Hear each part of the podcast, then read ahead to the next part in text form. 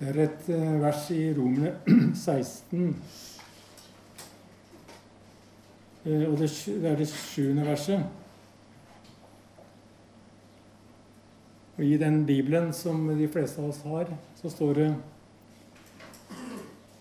Det er apostelen Paulus som skriver selvfølgelig til romerne.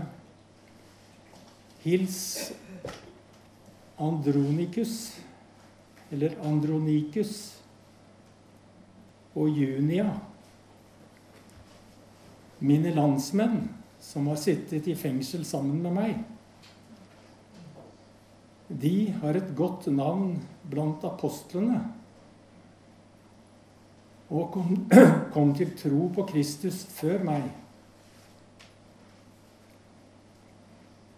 Eh, den ene setningen der kan også bli av og til oversatt også med at de er høyt ansett som apostler. Altså Andronikus og Junia.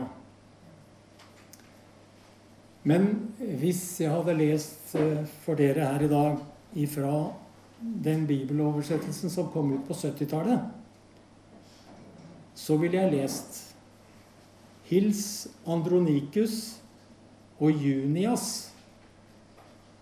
Vet ikke om dere legger merke til en liten nyanse der.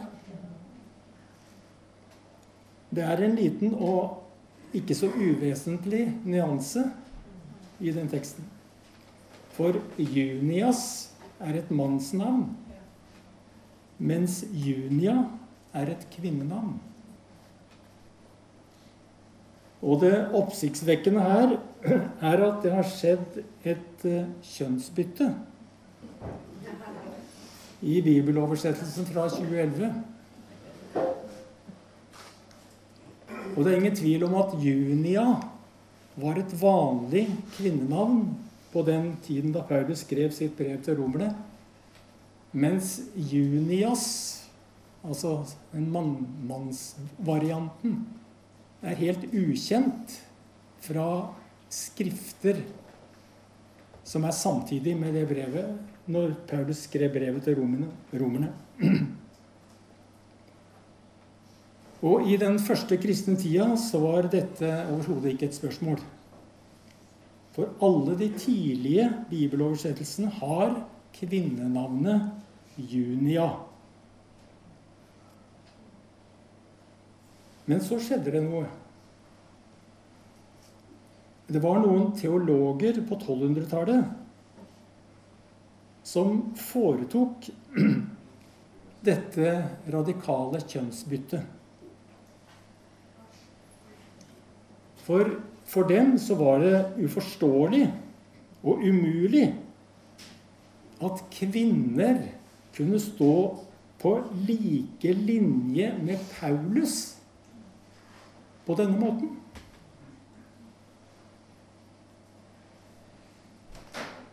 Og likevel så var det vanskelig å Allikevel så var det vanlig, ville jeg sagt, å skrive Junia i de fleste bibeloversettelser helt fram til slutten av 1900-tallet. Men fra 1900-tallet blir Junia til Junias i de fleste bibeloversettelser. Junia har blitt mann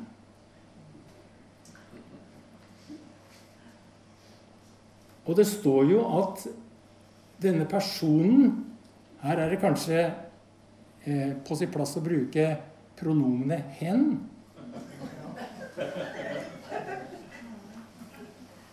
Det står i hvert fall at denne personen er apostel.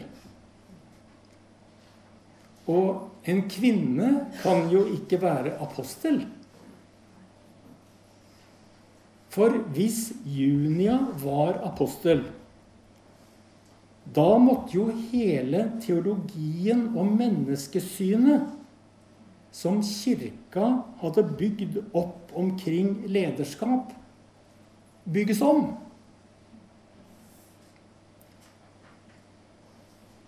Og en av de mest kjente bibelteologene i vår tid, som heter N.T. Wright, han skriver som en kommentar til det her verset. Det er helt og holdent, absolutt sikkert, fortolkningsmessig og språklig sett ut fra sammenhengen, at Paulus i romerbrevet skriver om en kvinne ved navn Junia som er apostel.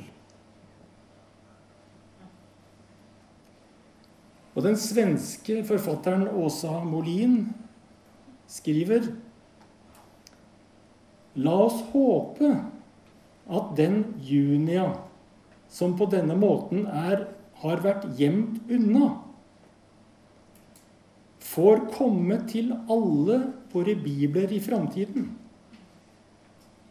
Ikke bare for hennes skyld, og ikke bare for de kvinner som Gud kaller til apostler i dag men framfor alt for Guds rikes skyld. Og hvorfor mener jeg at denne historien er viktig? Det er fordi den viser hvordan Bibelen har blitt brukt til å marginalisere mennesker. Bibelen kan brukes til å forsvare, og har blitt brukt til å forsvare slaveri og til å opprettholde sosial urettferdighet. Og Bibelen har blitt brukt til å støte bort eller undertrykke søkende mennesker med feil kjønn, feil etnisitet eller feil seksuell legning. Og Bibelen blir brukt til å skape et fiendebilde av mennesker med en annen tro eller en annen åndelighet. Og det er ikke til å stikke under stol at Bibelen kan være tvetydig og gi grobunn for forskjellige tolkninger. Det må vi respektere. Men samtidig så tror jeg at det er nødvendig at vi skjærer igjennom av og til ved å stille spørsmålet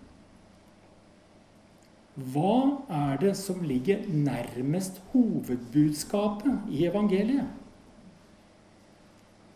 Og hva er det som best tjener et inkluderende evangelium full av nåde?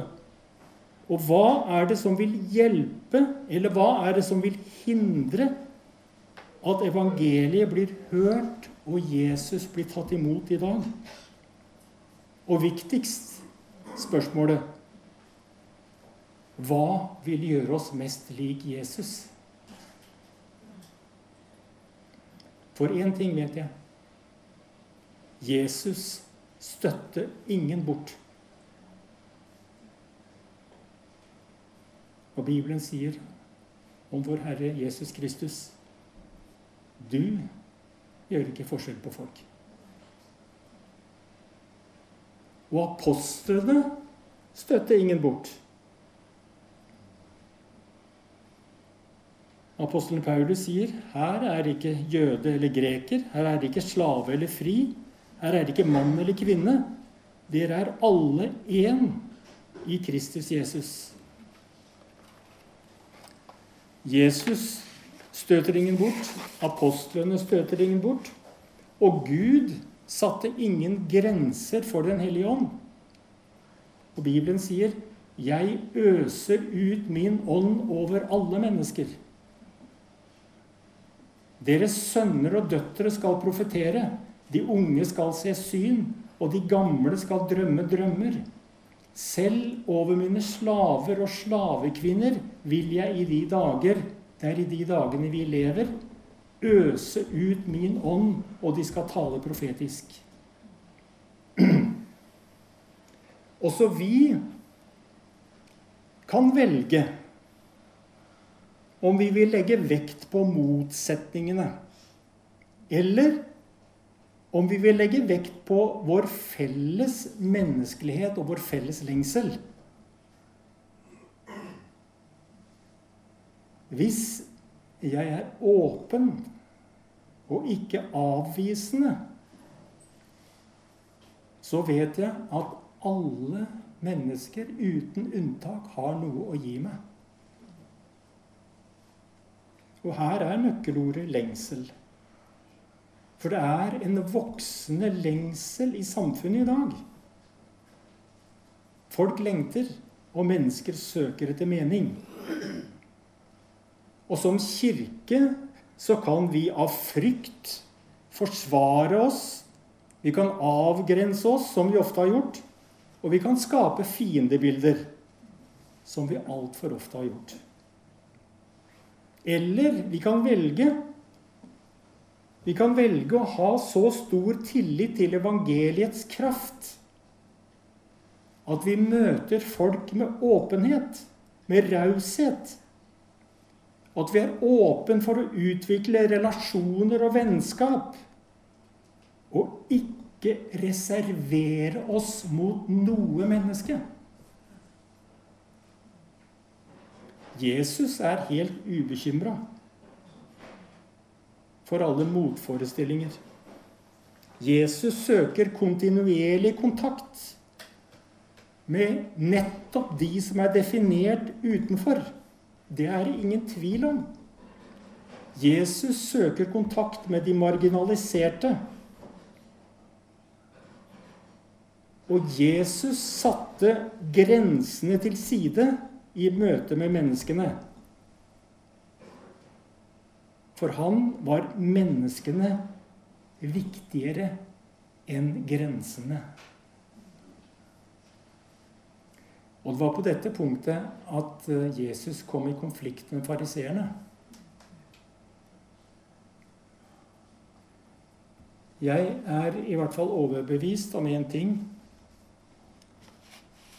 Og det er at de som er best forankra i evangeliet, også er de som kan være mest åpne.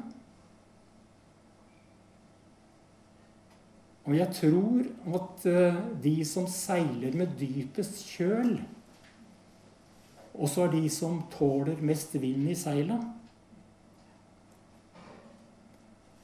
Jeg vil gjerne sitere en kvinne ved navn Gunell Valkvist, som levde fra 1918 til 2016. Hun var en svensk forfatter og kritiker. Og hun var i rundt 40 år medlem av Svenskeakademien.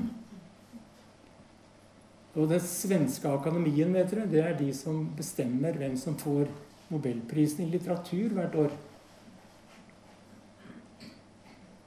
Så Gunell Waldquist var eh, en varm troende som også var sentral i svensk kulturliv i veldig mange år. Hun forteller i et skrift om sin egen trosreise. Og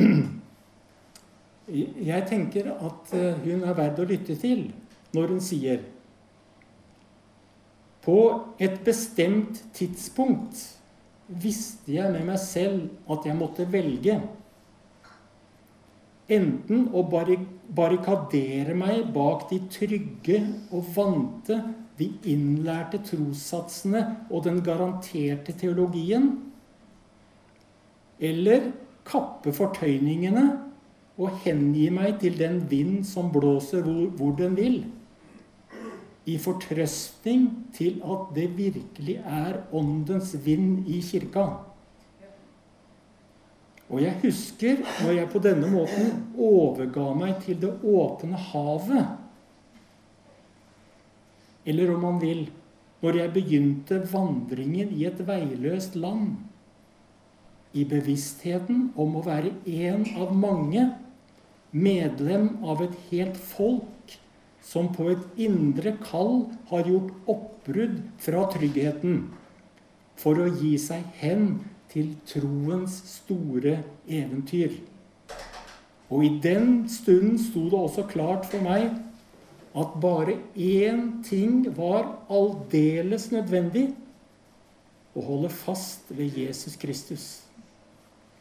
Kart hadde jeg ikke for øyeblikket, men kompasset, det hadde jeg. og sola skinte. Så langt Gunell Valkvist. Og nå tilbake til oss. Vi må heller ikke barrikadere oss. Det har vi ikke råd til. Vår bevegelsesretning må også være mot en dypere forankring i Jesus Kristus. I Hans nåde og i Hans uforbeholdne kjærlighet. Da kan også vi bli fri til å sette menneskene før saken. For det, er, for det er hva dette handler om. Det er det jeg gjerne vil ha sagt i dag. Vi kan bli fri til å sette menneskene før saken. For det er jo sånn vi sjøl har blitt tatt imot av Gud. Og da behøver ikke vi å frykte Vi behøver ikke å frykte noe eller noen. Men vi kan av hele vårt hjerte ønske Junia og alle andre marginaliserte hjertelig velkommen. Og la Gud ta seg av oss alle.